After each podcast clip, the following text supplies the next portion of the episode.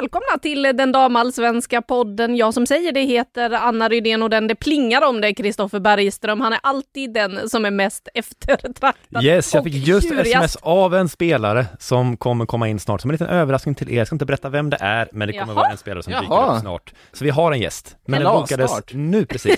Om ni undrar när jag planerar saker så gör jag det precis när du trycker på räck. Ja, det är härligt. Varför ska man liksom komma in förberedd, ha landat?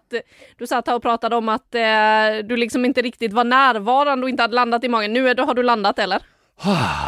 Nu ni, nu ni. Får jag säga en sak också, att jag Ja. efter första rundan, då tänkte jag så här, fotboll är kanske inte jätte, alltså det är kul med fotboll, men det är liksom inte så jävla kul som jag minns det ändå så, för att det har gått lite tid så.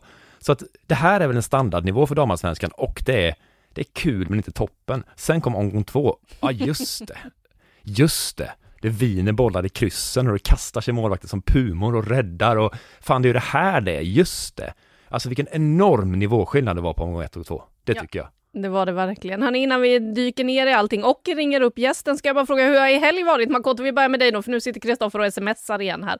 Ja, eh, den har ju varit, jag håller ju med om att det var ju en intressant helg på alla sätt och vis. Eh, kanske ingen klang och jubelföreställning på Skytteholm, om jag ska, om, det var väl inte den match som kanske bjöd på störst underhållning. Men samtidigt, bara att se Frida Manum spela fotboll är ju en behållning i sig varenda gång. Hon är inte på topp, hon är inte på maxnivå, men ändå så på något sätt dominerar hon en hel spelbild och bara styr en match dit hon vill. Och ja, visst var det en styrning på Linda Hallin där som gjorde att det blev ett 2-1 mål, men eh, enorm insats av henne ändå. Och sen Rosa Kafaji, bara se den ettrigheten, liksom pressen. Hon sa ju det själv, jag har aldrig pressat så mycket i sitt liv, sa hon efter matchen. Och hon var ju på och ettrig hela tiden och det kommer ju vara en behållning att se också den här säsongen. Har AIK nu alltså två straffar första matchen, två självmål, om vi räknar det så, andra det vart ju inte självmål. Det vart Ah, inte nej, nej, självmål men på det är typ, alltså det, och det är inte backens fel, nej, nej, nej, jag vet och så vidare. Men det är fortfarande, som nykomling, det är inte jättebra svit att vara liv i.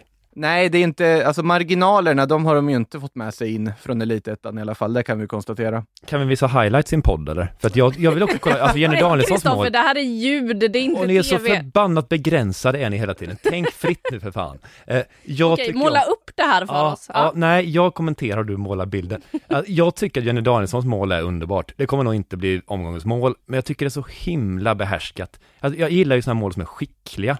Alltså känslan på när Skog pangar in sina bollar som är, ja det är väl snyggare på något sätt. Det är ju att de kan flyga på läktaren också någon gång. Det känns som Danielsson kan curla in den bollen Alltså på, alltså 17 av 20 försök sätter hon den precis så. Känns som att hon vet precis vad hon gör nu. Det tyckte jag var härligt. Sådana mål tycker jag om. Mer, mer kontrollerade mål. Ja, det anfallet är jättevackert också. Jag, jag såklart som eh, halvjapan blir väldigt glad. Honoka Hayashi har jobbat sig in i ett poängprotokoll också med passningen fram där också, men det målet är Den otroligt assisten vackert. tar nog förbundet bort ska du se. Den, den, den dök aldrig upp. Nej, det är ju det där eviga problemet som du var inne på förra veckan var det va, Kristoffer, med assistligan. ja, och vi att, kör den eh, varje vecka tror jag vi kan göra det. Tills det Ja. att vi har präntat in att det fungerar. Ja. Man vill ju ha tillförlitlig statistik, så är det. Men nu har vi ju satt, suttit och lagt massa tid på den match jag sa inte var intressanta, så måste jag fråga dig Anna, vad tar du med dig?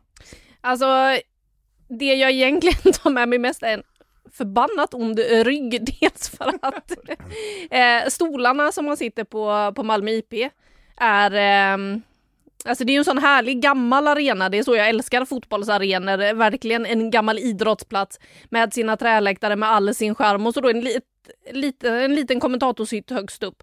Eh, och så kommer man in där, ser såna här stolar som man kan fälla ihop. Står där, sätter sig på den, känner sig genast som en jätte. När man sitter på den här stolen så insåg jag bara, nej men jag står ändå oftast upp när jag kommenterar och det insåg jag att det kommer jag ju behöva göra här också.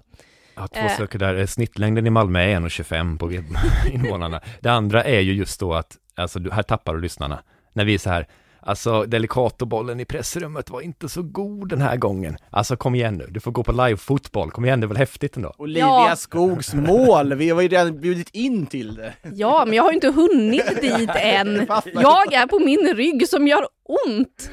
Och jag fryser. Ja. Så att det är inte bara Kristoffer som sitter här och eh, då är lite sur inför den här inspelningen. Nej, Eh, men annars så mår jag bra. Det var ju också nio timmar på tåg som gör att ryggen är som den är. Den är problematisk sen innan så att nej. Eh, jag är väldigt glad att jag fick se den här matchen då som är Rosengård-Hammarby där ju Olivia Skog visar varför hon gick till Rosengård och varför hon trivs så otroligt bra i eh, det spelsystemet. Men vi kommer komma tillbaka till det där så att jag ska liksom inte dyka ner för långt i det. Sen eh, så fick jag ju då åka tillbaka och titta på Champions League-fotboll också då på tv. Eh, visserligen, men eh, kommenterade Bayern München mot eh, Chelsea och det var ju en otroligt härlig match att titta på med mycket svensk intresse. Vi, vi, vi kommer tillbaka till det också om en liten stund när jag ska göra min spaning. Men Kristoffer? Ja, ja eh, jag lyssnar nu så hör jag att det ringer. Var tyst.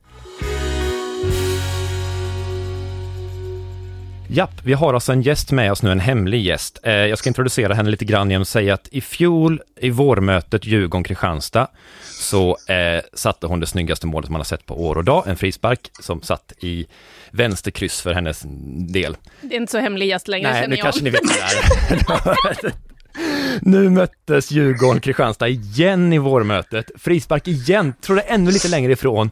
Och det är fan ett precis lika bra skott. Eh, hallå och välkommen Fanny Lång, hur är läget? Det är bara bra tack. Du, hur såg den här nya frisparken ut från dina ögon?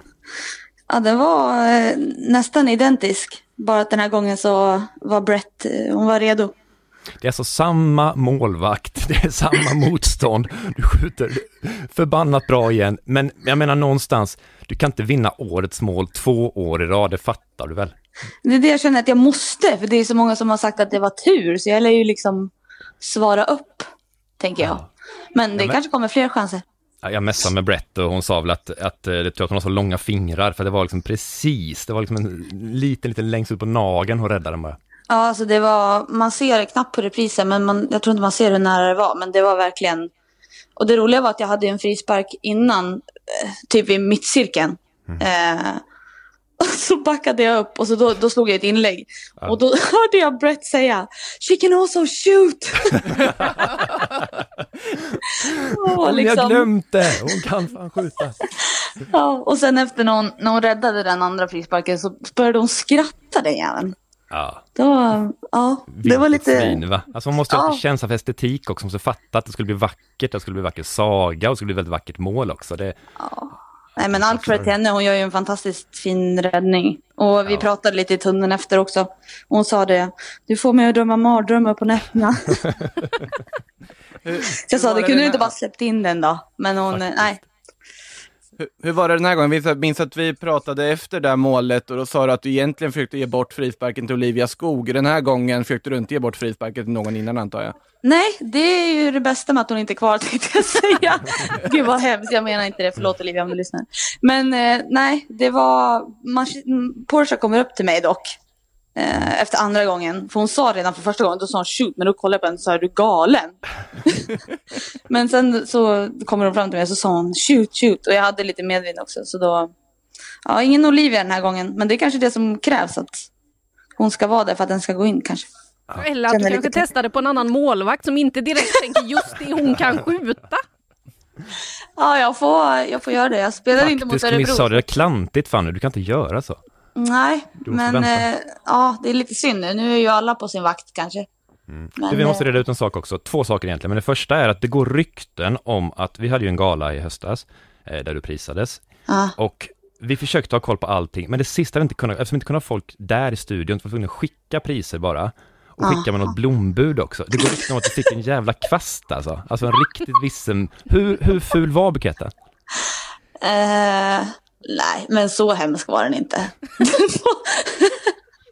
den var jättefin, Kristoffer, om det var du som skickade den. Eh, det var inte jag som plockade ihop dem, det var det inte. Det var Nej, någon... men man, kunde, man skulle kunna tro det. Jag kan ju säga att jag säkerställde ju alla de andra blombuden som vi delade ut. Ah, där jag nej. faktiskt var med och stod och tittade och liksom bara de här blommorna ska vi ha. Valde noggrant. Så. Det var mitt ansvar, visst var det det? Jag Det, det var absolut ditt ansvar. Jag känner att jag kanske skulle Det var tagit över det. Ja, det, jag skyller på det Anna. Men eh, jag fick i alla fall ett pris. Jag hörde att Olivia Skog fortfarande inte har Nej fått men vi skickade, hon skulle ha det till Anna Pojanen tror jag eller någonting. Det hände ju någonting där. Jag vet inte. Ja, hon, hon var väldigt fundersam vad priset har tagit vägen. Ja, men jag vi skickade henne. två gånger tror jag. Först Olivia, så kom det tillbaka med post, sen till Anna Pojanen. Jag tror det var så. Det här måste vi ta bort, herregud, det här är- kan inte vara intressant. Man får jättefina priser på vår gala. Ja, ja, alltså jag är så nöjd med min kvast. Den är så fin. Det är jättebra. Du, det andra bara så här, är vi, alltså det här med vänsterfötter, alltså vi tänker att det kanske är Juni Pedersen eller möjligen Ebba Hed var grym i premiären. Vem, Mm. vem har seriens bästa vänsterfot? Enligt det här head to head på, som Obos damallsvenskan har släppt på sin Instagram så är det ju Mia Karlsson, har jag hört. Hon skrev att hon har ligans bästa vänsterfot och hon är bäst i köket där hon hör hemma, hade hon skrivit. Eh, så, det var otroligt roligt. Och jag skrev faktiskt i min head to head när det stod eh, saker folk inte vet om mig, så skrev jag att jag har en höger fot, men de tog inte med det. Nej, jag tror jag sett den också, eller jag vet inte. Nej, så det var lite synd, för jag tänker det kan vara bra för folk att veta. Men eh, ja, jag vet inte, June Pedersen har ju en fantastisk vänsterfot, så jag får väl säga hon. Du, bomba på, bomba lite, lite hårdare bara. Ja, jag ska göra det. Nej, Det är ett år kvar till, tänkte jag säga, tills vi möter Kristianstad igen. För då är det på stadion, tänker jag. Just det. Och Just. lyssna på Porsche nu. Ja, ja, det ska jag göra. Det är bra. Du, tack för ditt gästspel. Vi, vi hörs. Det gör vi. Tusen tack. Hej. Hej. Ja, Fanny Long eh, lyckades inte riktigt eh, då få in den där och göra sig till en av dem som kan slåss om årets mål. Men vi- då kommer vi in på min spaning, för det är ju eh, målen jag vill snacka om. därför Är det att jag Jenny inte... Danielssons mål igen nu. Nej, det var ju därför jag inte ville prata om Olivia Skog innan. För jag ska ha med henne på min spaning här va. Eh, en oerhört ooriginell spaning. Men eh, Olivia var ju faktiskt den som eh, var i final mot Fanny Long i årets målomröstningen på galan eh, i höstas. Och eh, nu så har hon ju gjort sig till en eh, kandidat att ta hem det där priset den här säsongen. När hon liksom i första halvlek går in, bryter in i straffområdet och det det kändes verkligen bara som att hon hade bestämt sig att den där nätmaskan längst bort, där ska bollen sitta och det gör den ju också. Det är en sån otrolig bestämdhet. Inte nog med det, i andra halvlek så kommer hon in och gör den precis likadan. Man bara, hallå, hur lyckas hon? Det har ju blivit ett otroligt lyft för Olivia att komma in i Rosengård och inte då behöva lyfta ett helt lag, för att hon vann ju den mest värdefulla spelare på den där galan också. Eh, det priset som vi då inte riktigt vet vad det har tagit vägen, men förhoppningsvis landade hos Olivia. Det var nog mitt ansvar det här också på något sätt, jag vet det. Det, det är som det här när, jag vet att när jag bodde i Japan, det här är ett litet sidospår, men när jag bodde i Japan så kunde man skicka saker väldigt billigt med båt hem. Och då var det roliga med det att då tog det ju flera månader så man hade glömt om man hade skickat när man fick det. Ja, perfekt. Så, det. Och så är det lite det där med liksom MVP-priset, när Olivia Skog får det om tre år så kommer de bara, just det, jag blev ju MVP 2020. Det, Nu jobbar jag som advokat, har inte spelat fotboll på skitlänge. Ja. ja, så att det, det finns ju fördelar med det också, det är det jag säger. Det gör det, men nu, och nu eh, har hon ju då en fördel att hon slipper bära hela laget och tänka på en massa annat med att ligga bakom precis allting också. Nu har hon en massa stjärnor runt omkring sig i Rosengård, vilket ju gör att hon får en helt annan utväxling på sitt spel och kan göra då två sådana här klassmål redan i hemmapremiären. Och jag gillar också det här, eh, för att eh, när vi pratade med henne på landslagssamlingen Makoto så var hon ju inne på att hon inte riktigt hade kommit in i Rosengårdsmentaliteten än, där man är vana vid att vi vinner allt, eh, att hon fortfarande blir så otroligt glad när hon vinner och jag älskar att det, syns på planen också i hennes målfirande. Ja, den är old den är så 80-tal, tänker jag, att man snurrar på armen sådär. Ja. Det är så jäkla fint alltså, när man gör det, för det är så okoreograferat, det är ju liksom inte estetiskt snyggt egentligen, utan det är ju någonting, det känns som en hyllning till någon sorts, det känns som de gjorde så liksom, Pia Sundhage och dem för länge sedan och gjorde mål, då snurrar de på armarna sådär. Och så bara en otroligt genuin glädje bakom det hela. Jag hoppas att eh, Olivia inte vänjer sig vid att göra så mycket mål utan att man får se den här glädjen när- när fullträffarna sitter. Och jag kollade lite på, hon har ju själv lagt ut det på sociala medier och ja, man kan ju säga att eh, det är ganska många som stämmer in i hyllningskören bakom de här målen. Vad, va, vad säger ni om dem, ni som eh, bara har sett dem på tv och då inte sett dem live? Jag tycker det är underbart. Det är, det är tekniskt väldigt skickligt och kontrollerat det där fortfarande. Det är, det är jätte, jättefina mål och gällande Olivia Skog så är jag mycket imponerad av spelare som utvecklas rejält efter 25. Eh, många spelare har inte riktigt den kurvan eh, och det är så tydligt, hon är mycket mer dynamisk och mångsidig spelare nu. Det händer mycket mer. Hon har varit med ganska tidigt i landslaget, hon har varit på lite utlandsäventyr i Bayern München och Rosianka, men någonstans så, det vi ser nu, det är mycket bättre skog än det var då. Eh, och det, jag tycker det är läckert alltså, för att hon, jag minns från OS-kvalet, när det var då? 2016 på våren, då var jag i Rotterdam och såg henne. Jag tror hon gjorde det avgörande målet, som stal en boll mot, mot Holland där tror jag.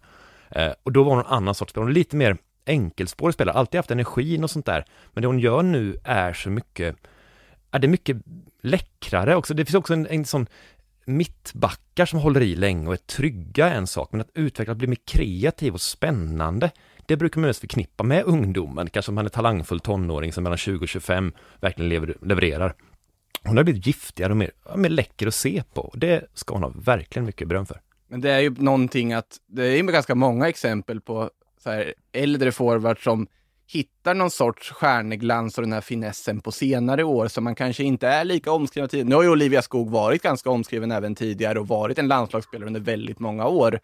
Men jag håller med dig Kroko, att det är någonting som det finns en edge som inte riktigt fanns innan, att det var lite liksom Johan Elmander-varning tidigare på att det var liksom grovjobbande, hårt arbetande, men kanske inte riktigt hade alltid den slutprodukten som hon verkligen har nu. Mm. Och att komma in i ett Rosengård där hon har en så pass perfekt skräddarsydd roll, där samarbetet med Veje dessutom på kanten, det är båda gott, måste man ju säga.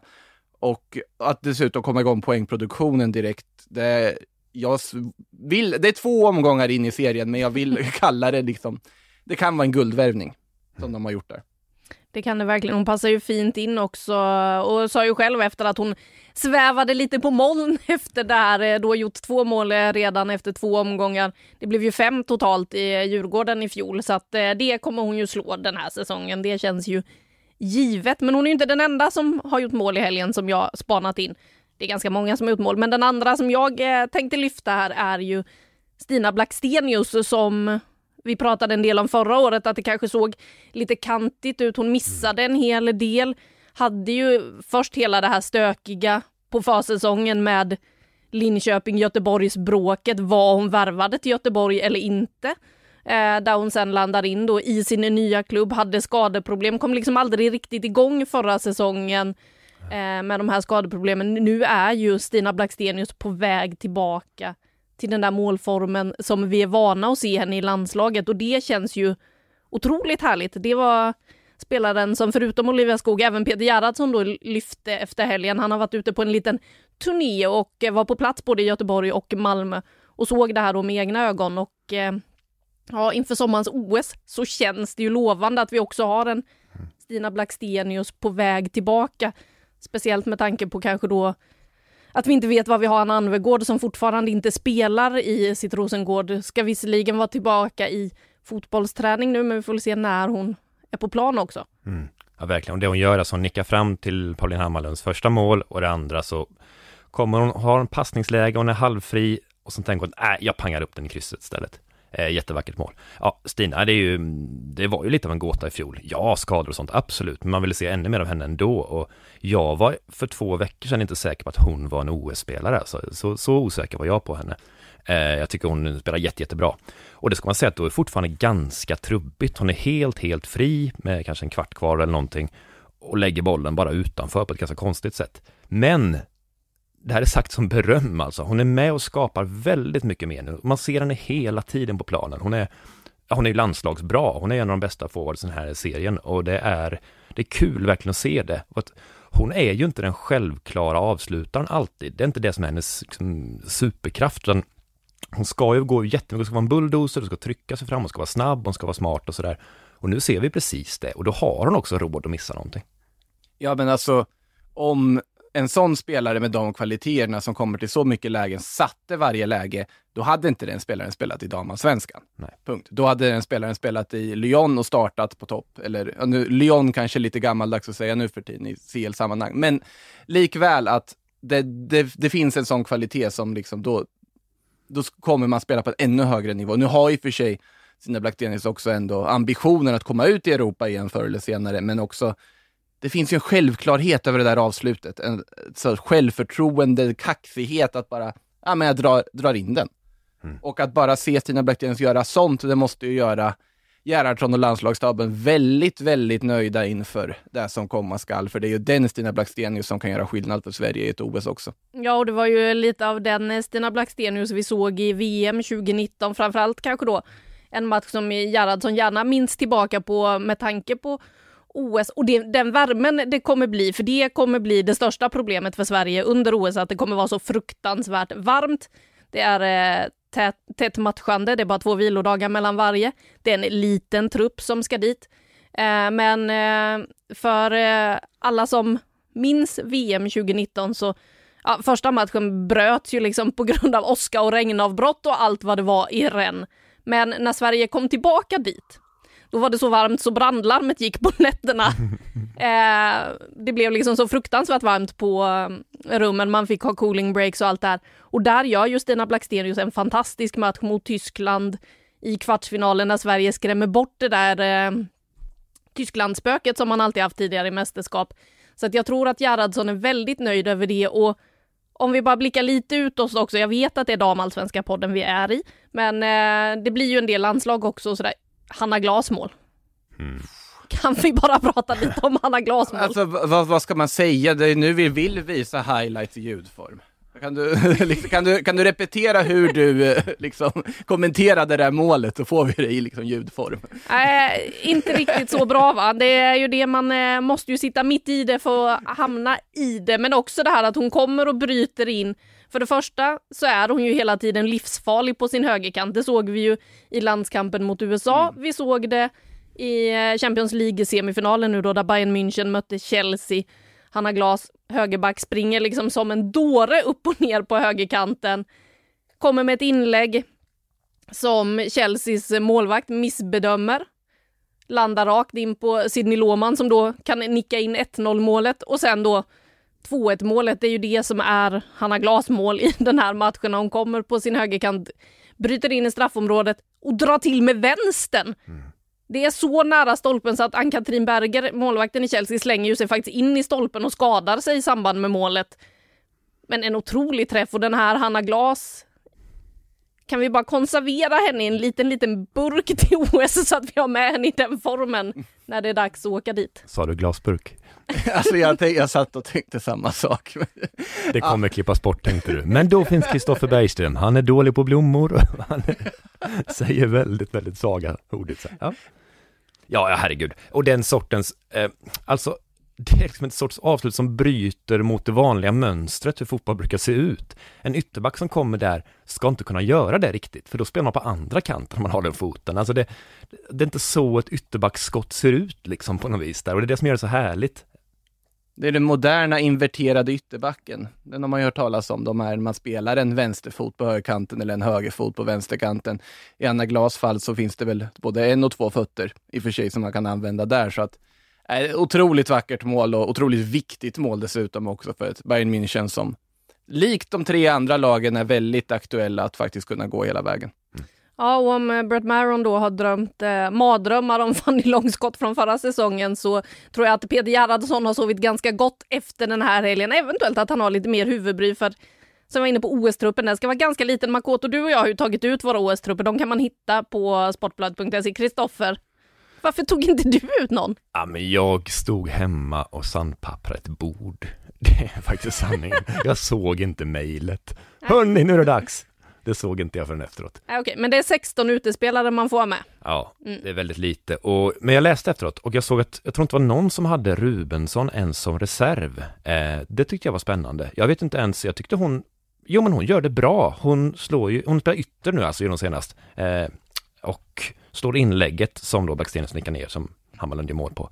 Och är ganska bra, alltså växer hon bara någon nivå till så är hon, alltså hon är ju startelvespelare så att jag, minst som reserv har jag Rubensson. Det är ju enkelt då för dig att säga som inte har tagit ut den här truppen och vet hur Ja, svårt men- det är att få ihop. För jag hade Ja, med väldigt- Elin Rubensson på min lista också. Jag har ju just nu, i den truppen som jag tog ut, då hade ju inte serien börjat än.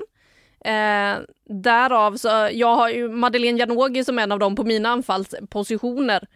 Eh, Anna Anvegård som reserv. Allt just det här för att man inte vet hur de kommer se ut i serien nu när den väl är igång. Så det ska bli väldigt spännande att se. Det är ju en landslagssamling till innan Gerhardsson tar ut truppen. Eh, den samlingen är i början på juni. Sen så ska han ta ut den här OS-truppen och ja, han har, lär ha en del att fundera på. Alltså, vi, varken min eller Annas trupp ser nog likadan ut här i pratande stund som den gjorde i skrivande stund då. Men, men det hade min gjort. det, hade Ja, det- det är klart den För hade. du hade varit på princip fast och vägrat Har du också erkänna. skrivit in den på ditt sandpapprade bord? Ja, det har jag gjort. Och Det jag var därför du sandpapprade kanske. Jag ska inte visa förrän truppen kommer, men det kommer stämma väldigt, väldigt bra har jag känsla av. Ja, vi får väl se. Äh, nog om det nu. hörni. Eh, OS-truppen den tas alltså ut i slutet på juni. Vi befinner oss i damallsvenska podden och min spaning då med alla de här kanonmålen, den är över. Den kanske inte var så originell, men jag gillade verkligen det jag såg i helgen. Eh, Kristoffer, vad har du spanat in? Nej men tack för ordet, tack för ordet. Jag har kollat på SVT, har ni gjort det? Nej, jag har tittat på Sportbladet Play, det är där man ser alla matcher i OBOS damallsvenskan vet du. Ja, men det finns dokumentärer på SVT. Det finns en som heter Jaha. Att ge bort en mästare. Det handlar om när Kopparbergs Göteborg blev Häcken. Det heter väl minidokumentär eller någonting och ja, vilket havsverk va? Herregud. Nej, men det är ju så här att vi var ju de som bevakade den här övergången ganska mest kan man säga. Eh, och så. Ganska mest. Ganska mest, ja. ja. Ganska, ganska mest Jag är född med ord för. ordets, talets gåva. Eh, och eh, det finns ju en historia som jag inte riktigt känner till här, men man kan ju högläsa rubriker och artiklar på Sportbladet. Då får man ungefär den här bilden. Jag ska bara rada upp vad som är skrivet och sen ska jag gå över och gissa också hur, vad som har hänt. Men vi börjar med att jag går, vad som är skrivet. Kör. Japp. Eh, två dagar efter 29 december meddelas att elitsatsningen läggs ner. Eh, två dagar efter detta, 31 december, skriver Sportbladet att det är mycket nära att de ska gå samman med Häcken istället. Vi pratar alltså om Kopparbergs Göteborg. Ja, precis, precis. Eh, strax efter det skriver vi att nej, elitsatsningen lades inte ner. Peter Bronsman har inte mandat att göra detta. Detta sker på årsmöten. Man kan inte göra så här. Eh, därutöver skrev vi att andra sponsorer som redan fanns i klubben var beredda att driva laget vidare. Eh, det här är känt. En annan sak som är känt är att det var en omröstning tidigare om huruvida Malmö FF ville ta över Rosengård, eh, där svaret blev rungande nej från fansen. Eh, det finns också grejer som händer, till exempel att eh, Peter Bronsman har vi skrivit om, är på gång att ta över ett lag i England, eller gå in i alla fall där. Det har inte hänt än, men det är fortfarande artiklar du har skrivit. Om man lägger det här på en rad någonstans och, och kröner det med att 13 januari skriver Sportbladet också, också ett avslöjande att nu är det klart med Häcken. Sen dröjer det några timmar och sen går de ut med det också. Eh, lägg dem på en rad så får man en viss bild. Eh, den bilden stämmer överhuvudtaget inte med hur SVT presenterar det här. De presenterar det precis så som Peter Bronsman från början har sagt. Det vill säga, han lägger ner elitverksamheten. Eh, klubben måste räddas av någon. Eh, olika lag diskuterar detta. Häcken till slut röstar om att de ska ta över laget. Eh, spelare är arga på Bronsman för hur han har kommunicerat. Han försvarar sig med att jo, jo, de är arga, men jag kunde inte säga allting och jag var tvungen liksom att göra så här, för allt var inte klart än. Men om man ser hur det blev så ser man att det här var rätt på något vis. Och det blir ju liksom, han får ju rätt i den historien för att spelarna är ju jättenöjda, de får jättebra anläggningar och allting nu, eh, allting verkar jättebra. Det är bara att bilden är ju falsk. Eh, utifrån vad jag har sagt så ska jag gissa ungefär hur det gick till. 29 december går han, eh, han har haft på känn lite före jul att det här, han vill inte, han är alltså ordförande och stor sponsor, alltså han har Kopparbergs mm, bryggeri. Han vill inte längre driva det här som han gjort i 17 år och pumpat in pengar och sånt där. Och då vet han hur det gick i Malmö. Och då vill han skapa en historia som gör att det blir lättare att, att vinna omröstningen mycket tydligare, både i egna klubben och framförallt i Häcken då. För han vet om att det inte är populärt bland klubbar att ta över och köpa framgång, eller åtminstone ta över framgång på det här sättet. Eh, och då är det en mycket bättre historia att de läggs ner, det går inte, vi är ändå chanslösa, vi måste lägga ner. Eh, och då kommer någon som en räddande ängel och säger nej, vi ska visst ha damfotboll, vi ska ha elitdamfotboll i Göteborg. Alltså räddar vi klubben. Är ni med oss och räddar den? Ja, säger fansen medlemmarna i Häcken. Jag säger också förstås då Kopparbergs Eh, och jag tycker det här är ganska allvarligt på något vis där. Jag tycker att någonstans måste SVT ha någon sorts journalistisk ambition här, att närma sig åtminstone det som är skrivet, ställa frågor om det, inte berätta historien att Häcken räddade Kopparbergs Göteborg. Så var det inte. Eh, det hade kunnat drivas vidare ändå. Eh, och det här är skillnad. Eh, för nu kommer kanske Häcken vinna föreningens första SM-guld på damsidan. Hur ska vi se på det då? Har de räddat laget verkligen eller inte? Och det tycker jag att, det får väl klubbarna själva, jag vet att klubbarna som lyssnar på det inte håller med med det jag säger nu, men någonstans så tycker jag att det journalistiska ansvaret borde vara större hos SVT. Jag tycker att den här kortdokumentären ger en falsk bild, eller den ställer åtminstone inte rätt sorts frågor och jag tycker det är provocerande. Den ligger uppe ett år till och jag tycker att de borde åtminstone ha närmat sig eh, vad sportjournalistiken har grävt fram under de här månaderna istället för bara meddela att det var en sorts känsloläge, att spelarna är lite arga på, på Bronsman beror bara på hur kommunikationen var, vilket inte är helt sant. För det var ju annars ett perspektiv som lite kanske tappades där just med eh, när allting också stormade som mest. För som du var inne på, en hel del av det vi skrev om handlade ju om fakta kring plus att eh, det var svårt att få spelarna att prata precis när de inte visste vad som hände. Det var ju en matta som bara drogs undan under fötterna på dem. En del hade nyligen skrivit på, andra hade förlängt och de flesta andra lagen hade ju värvat klart framför allt. Det fanns inte så mycket alternativ i Sverige att gå till så att spelarperspektivet kanske försvann lite där i den snabba rapporteringen just kring hur knäppt det blev för alla de här. Eh, det var ju så att eh, de faktiskt, eh, det fanns agenter som hörde av sig till de andra klubbarna och hallå, här finns landslagsspelare som just nu ja. inte vet vad de gör. Men eh, Definitivt, är jättekonstigt. Och sen titeln att ge bort en mästare. Vem fan gav bort en mästare? Det var ingen som gjorde alls det. Det är en förening det här. En förening bytte hemort eller bytte plats på något vis där.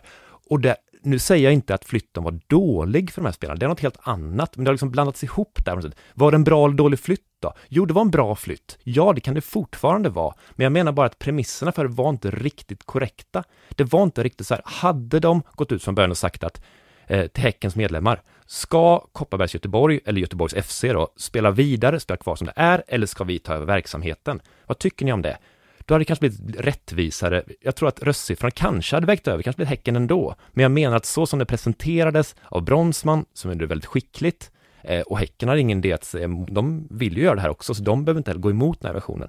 Den bilden var inte riktigt sann och då tycker jag att det är journalistikens ansvar att picka lite på den här bilden utan att kritisera spelare, utan att säga att flytten är något hemskt, utan att säga att eh, Häckens första SM-guld eh, är katastrofalt på något vis om det blir så, Eh, så är det inte, men fortfarande så historieskrivningen borde vi, vi borde vara lite kollegiala eller åtminstone så här lojala mot någon sorts sanning, någon sorts objektivitet. Hur kunde Sportbladet skriva 31 december att det var mycket nära Häcken?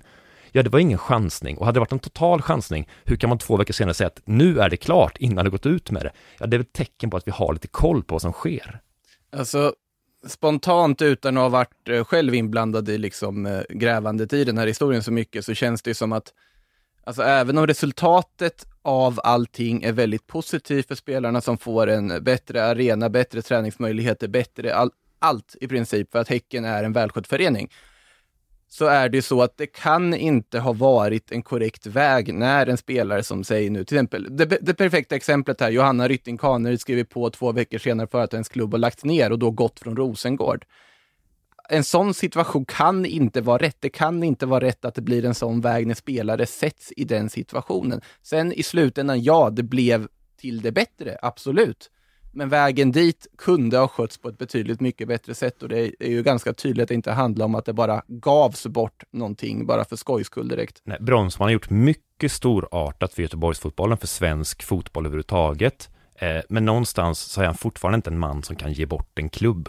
Nej, vi har ju föreningsdemokrati i det här landet och eh, det är ju någonting som till och med uppmärksammats i England och så här apropå Super League-grejen när de står med sina 51 procents banderoller att här är det medlemmarna som bestämmer. Mm. Det är i Spanien också ska sägas, men det... ja, ja.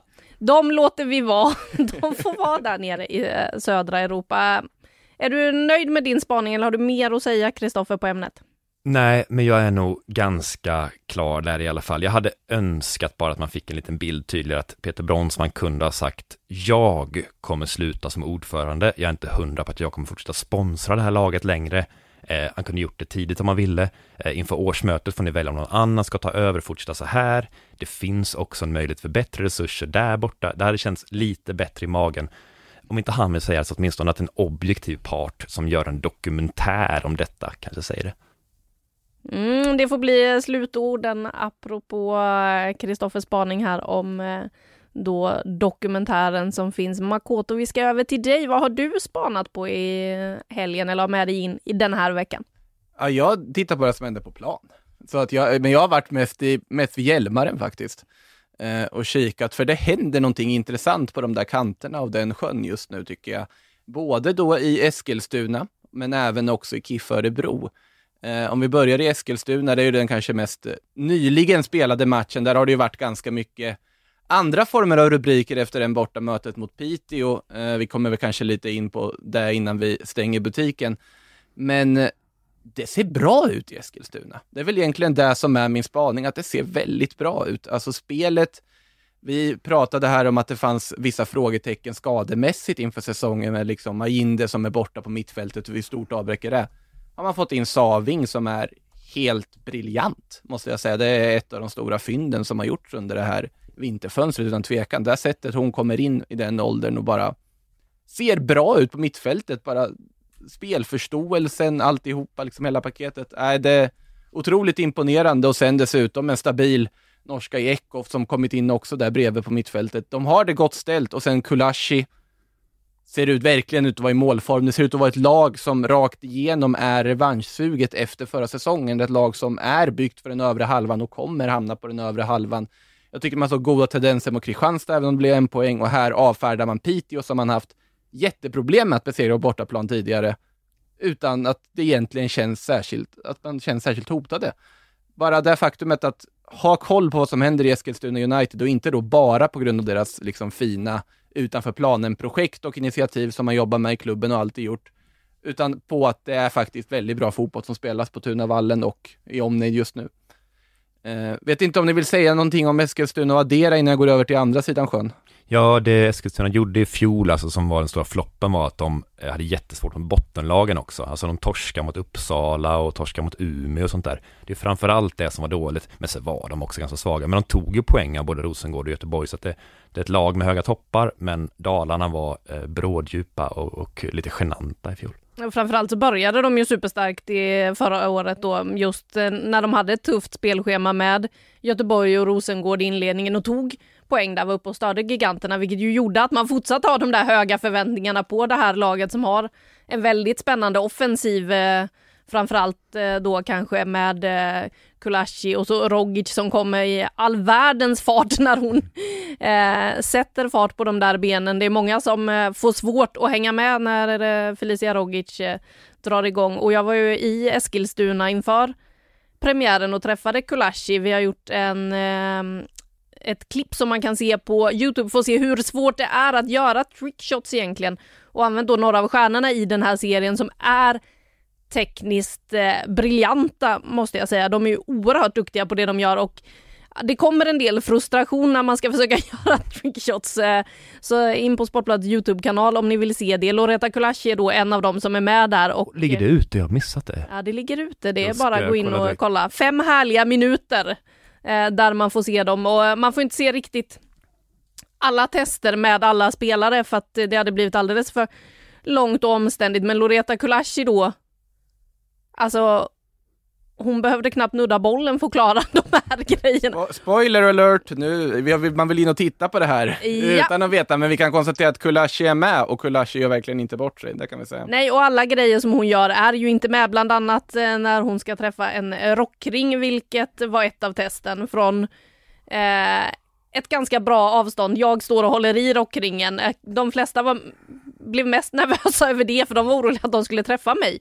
Alltså en eh, Wilhelm Tell-grej. Ja, jag kan säga att det är kanske inte de charmigaste bilderna när jag står och håller i den här rockringen, men eh, Nej, det var så himla fint att se den där foten. Hon eh, har ju en otrolig teknik, eh, Kulashi. Det har de andra som är med i det här testet också. Men det var så skönt att se henne också hur lugn hon var, hur laddad hon kändes inför den här säsongen och det kändes verkligen som att ja, men, de försöker landa in i den här säsongen på ett helt annat sätt än vad de gjorde förra året där de kanske då blev lite hypade efter att uh, ha haft ett fint slut på säsongen innan och sådär. Och de har en tydlig plan också. Och där har vi därmed dragit det andra dåliga Göteborgsskämtet för dagen. Åh, du måste nog förklara det, det finns någon lyssnare som inte vet. Nej, men, men, man Heter titta, någon plan eller man, man får titta i damallsvenska bibeln, för jag snodde det rakt av därifrån, från våra briljanta redigerare där som fixade till den rubriken. Eh, med det sagt så kan vi väl ta oss till Örebro, eller? Gör det. För jag tycker att där händer det också väldigt intressanta saker. Vi har hyllat Vittsjö tidigare i den här podden i allmänhet också av förklarliga skäl. Ett bra lag och de spelar bra här mot Örebro. Ett Örebro som förlorade sin premiär mot Djurgården men hade lite intressanta siffror från den matchen. Expected goals count på 2,7. Jag vet inte hur mycket det säger er, men det säger att de hade en offensiv som egentligen borde gjort fler mål än vad de gjorde. De gjorde ju noll i den matchen då, men såg bra ut. Väldigt många liksom lyckade passningar. Stort bollinnehav, bra spel. Alltså det fanns väldigt många aspekter i det här laget som tydde på att man faktiskt kommit någon vart i det här liksom ambitionen som man har där från tränarstaben som har kommit in från Sylvia att, att liksom ha en mer spelande fotboll, mer possession-fotboll, mer liksom, jag vet inte vad jag ska kalla det modern och mer, för nu börjar vi ju gå upp på fembackslinjer och sånt om man tittar trender, så det, det går ju i olika perioder. Men i alla fall en väldigt possession-baserad fotboll. Här mot Vittsjö, ja det är inte mycket till övertag eh, Örebro har totalt sett. Ett jättefint anfall, må så vara lite marginaler på rätt sida också som föranleder Karin Lundins 1-0 mål. Men i övrigt, försvarsinsatsen, man stänger igen, man får med sig tre poäng trots att man kanske inte spelmässigt helt och hållet förtjänar sig till liksom chanser och så vidare som Vittsjö skapar. Men jag har nog underskattat KIF Örebro ganska rejält när jag har satt dem så pass lågt som jag har gjort, för jag ser tendenser på att det här kan bli väldigt bra väldigt tidigt. Ja, det är läckert. Eh, och när du pratar om sådana här siffror och sån här eh, fotbollsstatistik och sånt, då låg alltså KIF Örebro nästan i botten på allting i fjol. Eh, precis när expected goals och som liknande. Uppsala var väl lite sämre, men sen var det i princip GIF Örebro där. Så deras sjunde plats i fjol var liksom en stor överprestation jämfört med vad de skapade och sånt där. Och sånt där vet ju tränarstaben om jätteväl, att någonting måste ändras där. För förändrar vi det, så någonstans så, så kommer också resultaten. Så att så att det är spännande att se hur det, hur det håller. Jag, jag, har alltid, jag har tänkt att de ska vara dåliga nu i vår, att det tar ett tag att komma in i det, och framförallt om de har skador och sånt där. Men, men redan nu en sån fin trea, det var en skalp alltså. Ja, Det var då, eh, för vi har ju pratat lite där om att vi inte kan visa highlights. Vi kan ju säga det också, det går ju att hitta på aftonbladet.se eftersom vi sänder eh, hela den här serien så finns ju alla highlights och en av sakerna som man kan hitta i highlights-paketet är också Eli Pikku räddning på mållinjen. Den blir man ju oerhört glad av att se. Det blir man. Verkligen. Den är, eh, den är enorm. Det är någonting speciellt med räddningar på mållinjen när det inte är en målvakt som gör det. det är, Och Ellie Pikku-Jämse har ju en väldigt spännande historia. Hon har alltså VM-medaljer i snowboard. Hon är skatare. Eh, det tänker man på något sätt inte att hon är. På något sätt känner man att det, det ska vara någon sån här dribbler som är en yttermittfältare. Inte en sån bara köttare som hon är, en sån, sån trygg pjäs på något vis där. Men, men eh, hon är nog bäst på snö av alla i damallsvenskan. Så kan det vara. Eh, apropå snö så eh, kan vi väl gå över på den där eh, matchen som eh, du var inne på att vi skulle prata mer om eh, Makoto. jag tror inte att Eskilstuna gillar att åka till Piteå. Förra året var det ju då just snöboll som spelades där uppe. Det pratades om en parodi att man ens spelade matchen. Man såg inte linjerna i slutet. Det blev ju en fruktansvärd tv-produktion tyvärr, med tanke på att man inte såg eh, linjerna, bollen eh, stannade och sådär. Nu åkte Eskilstuna upp igen tidigare i år, tänkte väl kanske då, ja men skönt, lugnt, slipper vi snön i alla fall. Då Gjorde de kommer rubrikerna istället kring coronan. Vi var ju förskonade från den hela förra säsongen i princip i damallsvenskan. Nu går det läsa rubrikerna att eh, det finns då positiva fall i Piteå och att eh, spelare testade positivt i veckan innan. Att man fick byta ut spelare som kände symptom och nu är fler spelare smittade. Va, va, va, hur reagerade ni på de här rubrikerna? Först tänkte jag att de har varit lite klantiga och naiva, inte förstås i att någon smittas, det kan hända hela tiden, men att man inte slår larm tydligare tidigare. Men det var ett missförstånd för min del, det var bara när jag läste den första texten och så här, de verkar ha, ha gjort det här ganska bra, de var väldigt tydliga från början, läkaren i Piteå och sånt där, med att de har försökt höra sig för och, och sånt där, så jag tror inte att de har gjort någonting fel, utan de har gjort precis det man ska göra. Däremot så är det ju läskigt när väl smittan är inne, ja, varför skulle det bara vara de här fyra, fem spelarna nu då? Det, det finns ju risk att det är fler och att vi får uppskjutna omgångar och liknande sånt där. Det, och hoppas, hoppas inte att Eskilstuna också har fått det då. Vi, vi, har ju sett det här kaoset i Champions League i år, om inte annat, med eh, absolut kanske mest udda företeelsen som kom från det var ju när PSG då lämnade VO till sin åttondelsfinalsretur mot Sparta Prag och förlorade med 3-0. Men de hade en 5-0-seger med sig från det första mötet och gick därmed automatiskt vidare trots att de lämnade VO i andra rundan. Det kan hända konstiga saker när matcher flyttas och när saker behöver ske och det är bara att hoppas verkligen att Piteå snart får börja liksom träna igen, att de får öppna upp och att det här löser sig på ett bra sätt för alla parter egentligen, för det är ju bara jättetråkigt, precis som hela den här pandemin i sig. Ja, och det luriga är ju också att eh, då en del av de här spelarna som testades positivt efter matchen när man testade alla har ju inte känt några symptom överhuvudtaget. Nej. Och vi får se lite hur det här blir och det är inte säkert att, jag är inte expert på hur det här är med testning, men att om någon smittades väldigt eh, nära inpå där kanske inte det gav utslag än heller, eh, som jag förstått det, utan det kan vara fler också som kommer i värsta fall. Och Eskilstunas tester har väl inte kommit nu när vi spelar in det här i alla fall. Vi får väl se, jag bara hoppas, hoppas. Ja, vi ska ju säga att det är alltså måndags eftermiddag när vi spelar in det här. Det är alltså dagen efter att den här matchen spelades, så att eh, det kan ju hända saker framöver i nyhetsflödet innan du som lyssnar har hört det här. Eh, ja. Det är ju inte alla som lyssnar på oss direkt kanske. Vi kanske inte är top of mind hos alla, alltid. Vi kommer bli. vi kommer bli. Ja, hörni, eh, vi har ju pratat på en bra stund här. Ehm, vi ska faktiskt börja runda av alldeles strax, men Får vi... jag säga en sak först bara? Ja. Jag, jag, tycker en sak vi inte har sagt än som ska sägas är att båda topplagen vann, alltså de tippade guldkandidaterna Rosengård och, och Häcken. Av de två så skrev min kära kollega Makoto att han är mest imponerad av Rosengård eh, för att de spelar ut Bayern då, som, som Häcken hade väldigt svårt mot i premiären. Eh, jag förstår det. Jag är faktiskt åt andra hållet där. Eh, ah. Jag, det som gjorde Kopparbergs Göteborg som gav dem guldet var inte några storsegrar, det var inte massa, massa champagnefotboll, utan det var just att de varje omgång, eh, de vann 17 matcher, nästan varenda seger var med 2-0 eller möjligen med 3-0. Det var precis nästan, de gör ett mål i första halvlek och sen i andra halvlek är de lite tyngre, gör 2-0 och sen kan de vänta ut matchen på något, sätt, på något sätt där. Det är exakt vad de gör mot Växjö. Det är en sån typisk grej de gjorde också förra året hela tiden. Och att se den, den maskinella är tillbaka igen där, det var väldigt imponerande på mig. Eh, kan de göra det här igen, bara om och om igen, så som de kunde i fjol, så, så vinner de ju. Eh, vilket jag inte tror, men, men då gör de det i alla fall. Eh, Rosengårds match, det är ju mer imponerande att leda med 3-0, göra drömmål, släppa ett konstmål på en hörna var det var sådär. Alltså där, jag ser lite av fjolårs Rosengård i den matchen också, att det är så sjukt bra och som blir lite dåligt där. Medan Göteborg någonstans är liksom trygga i sin seger på något vis där. Apropå Rosengård också bara så kan vi ju lyfta in den glada nyheten som kom i helgen för att eh, det är ju så att Rosengård tappar en av sina försvarare dessutom nu med landslagsmeriter, Jessica Wik, som då väntar barn och eh, hon fick göra en match den här säsongen, hon fick spela i premiären. Nu eh, kommer vi tyvärr då inte få se henne på fotbollsplanen på ett tag, men det är ju eh, av eh, glada anledningar så att säga och klubben är ju inne och stöttar henne och så här men Nej, det påverkar ju också försvaret i Rosengård. Det gör det definitivt och glad säger du, jag är ju sådär fotbollig, fan. kan se det kan du få tänka. Jag tycker, jag tycker det är jättekul för henne som privatperson, men jag vill ju se mycket av henne. Jag tycker att nu när de har det här 4-3-3 som passar henne väldigt bra så vill jag se henne mycket mer. Hopp, det tycker jag var surt, där att inte få se henne. Sen, sen fattar jag henne som som privatperson är, är lycklig. Ja, det är en rimlig fråga. Vem tar den platsen? Det är väl, ja, Björn, antar jag. Får väl ja. gå ut och spela höger till att börja med när hon då är frisk och är tillbaka på planen.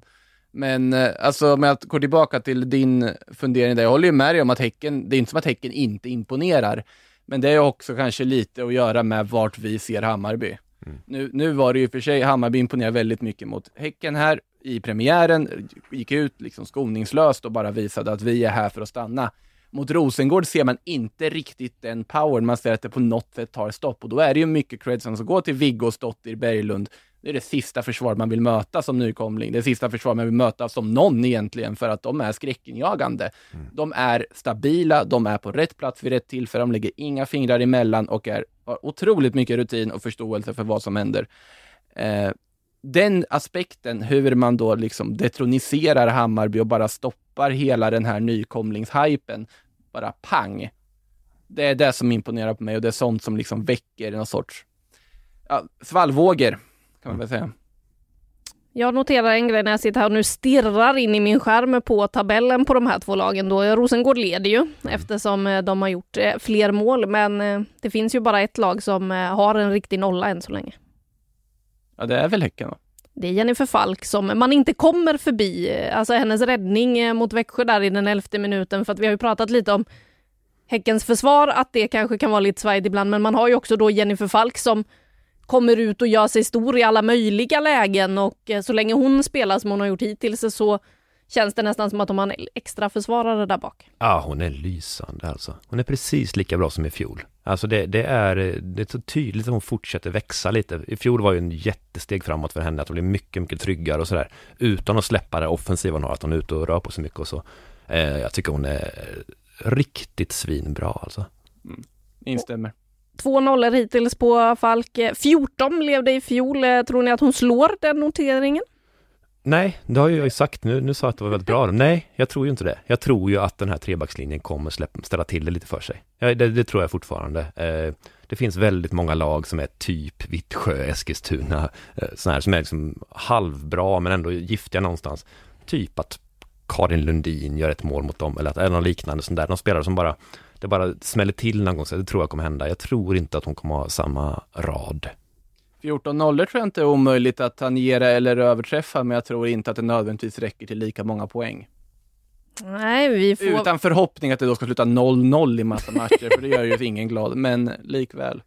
Nej, det vi kan konstatera efter den här omgången är ju i alla fall att eh, den första omgången nog var en hel del premiärnerver, för nu är vi tillbaka till mer av den där härliga fotbollen vi fick se en del av eh, under fjolårssäsongen och nu har vi en omgång till då att se fram emot eh, redan till helgen, omgång tre. Har ni någon match ni ser fram emot där? Bland annat så är det ju dags för eh, det första Stockholmsderbyt. Då ska vi rulla ut vår lilla tv-studio och hoppas att sprinklers och sånt är långt borta från den och titta på Djurgården AIK som då är det första Stockholmsderbyt vi får se. Men eh, ja, vad finns det mer då? Ja men båda de här tippade guldlagen kan ju faktiskt eh, torska nu på något sätt. Det känns faktiskt som att de har väldigt svåra matcher, alltså, alltså Linköping mot Häcken och, och så ha, nej, ursäkta, ursäkta, jag är helt... Vittsjö-Häcken har vi. Vittsjö-Häcken mm. förstås, och Eskilstuna, Rosengård möter Eskilstuna på bortaplan. Det här är matcher som, jag tror inte båda lagen går rent här. Det är ett jättebra test för dem. Det här är svårt.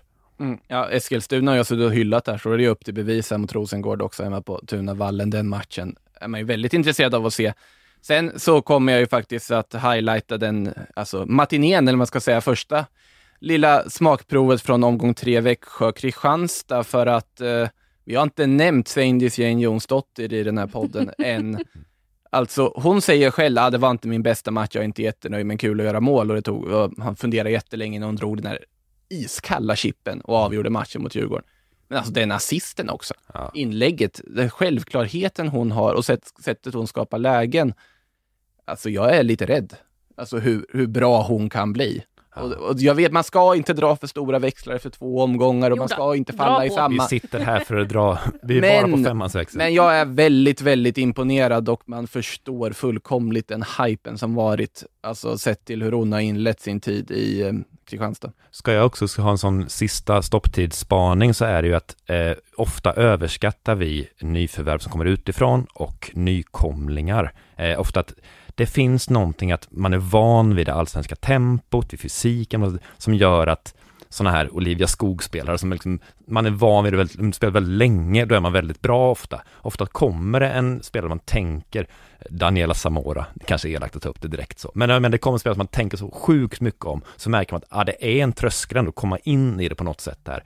Eh, och, och, det som gör Svendis Jonsdotter så jävla imponerande det är att hon faktiskt har bara kommit rakt in i det och blivit en av seriens bästa spelare direkt. Eh, det är oväntat, det är så bra, det trodde inte jag det skulle vara. Nej. Nej, och eh, det är ju härligt att se då Växjö mot Kristianstad. Jag ser ju fram emot matchen på lördag då. Det är som att vi eh, sitter här och ska lyfta alla matcher som finns i den är Klart omgången. vi ska. Men eh, Hammarby, KIF Örebro, nu har ju Hammarby haft de här två tuffa matcherna mot topplagen eh, Häcken och Rosengård. Det ska bli intressant att se hur de står sig mot ett KIF Örebro, om de kommer kunna gå in och spela på samma respektlösa sätt och på så sätt göra fler mål. Nu kom det ju ett mål sent. De ställde till eh, det för Rosengård en del med sina fasta situationer och kan nog eh, såra fler lag med June Pedersens vänsterfot som vi har varit inne på tidigare. June är ju en otroligt härlig spelare som eh, tar på sig ett väldigt ansvar också i det här Hammarby med sin ålder och erfarenhet. Hon eh, bjuder ju på den till alla, med ny, alla de unga som har nyfikenheten och vill lära sig, så ibland så kanske hon tar lite för stort ansvar i att liksom ska hjälpa alla. Hon glömmer vad hon själv ska göra också. Eh, jag tycker det ska bli intressant att se den just med tanke på vad vi har sagt om KIF Örebro i den här podden också. Så att ja, den matchen tycker jag ska bli kul att se. Men alltså den matchen, om man tänker där, där har vi ju två lag som vill ha boll och styra spel. Då är ju Stockholmsderbyt en inverterad version. Alltså vilka kommer att vinna det bollinnehavet mellan Djurgården och AIK? Det, det är jag väldigt nyfiken Får på man att se. spå en asgrisig och lite ful match i Stockholmsderbyt? Hoppas det. 2-1 till ena eller andra laget, men att det blir lite köttigt och lite så svårt att se. Jag tror inte det kommer bli en skönspels eh, Stockholmsderby, tror inte jag. Nej, Man vill ju ha lite stämning på planen. Det ska ju kännas att det är derby. Så är det. Hörni, jag tänker att dina poddar, när vi började sa vi så här, nu börjar vi, då nickar vi så här. Var det enda gången vi var överens eller? Förmodligen kanske enda gången på hela säsongen. Det låter bra. Vi är inte här för att vara överens. Så Nej. är det. Vem är här för att skaffa kompisar? Inte jag. Nej. Kristoffer skakar på huvudet. Eh, Nej, jag- jag- Stora ögon. Ja. Hörni, med det så eh, har vi snackat klart för nu. Nu fryser inte ens jag längre för i den här poddstudion så blir man varm. Jag sitter också med en jättestor halsduk på mig så att dags att ta av den och eh, tacka alla er för att ni har lyssnat. Till nästa vecka så hoppas jag att vi har en smidig kontaktväg för er som vill tipsa oss. Jag har försökt jobba på det under dagen. Det sköna är att man får ju ingen kritik eftersom ingen kan nå oss riktigt här. Det är så himla bra. Ja, framförallt inte du som duckar sociala medier lite, för jag tänkte precis säga att eh, mig och Makoto kan man ju i alla fall hitta på diverse sociala medier. Anna.m.rydén på Instagram om ni vill skriva till mig och har tips och funderingar och jag kring också, den här podden. jag, jag har faxnummer 461 298. Det är bara att skriva. Skriv gärna för hand och så kan ni faxa till mig. Så kan jag Eh, läsa. Twitter om ni lyssnar och tycker att det här är trevligt eller tycker att, men vad håller de på och pratar om? Hashtag damalvpodden. Där kom, om ni söker på den så dyker även senaste avsnitten upp på Twitter. Det är perfekt. Så in och eh, tipsa och eh, skriv till oss där om ni har några tankar och funderingar kring vad ni vill höra mer av och om det är någonting vi ska sluta med genast. Eh, så kanske vi lyssnar på just det. Vi får Kanske väl vi se. slutar med det. Det beror på hur roligt vi själva tycker att det är. Den som lever får se. Hörni, med det så säger vi tack för den här veckan. Ta hand om er. Ja, vi ser fram emot att följa det som väntar och avslutningsvis då ni vet väl att ni ser samtliga matcher av OBOS damallsvenskan på Sportbladet Play. Om inte annat så vet ni det nu. Det kommer finnas en hel del härligt att se under den här säsongen. Det är jag övertygad om.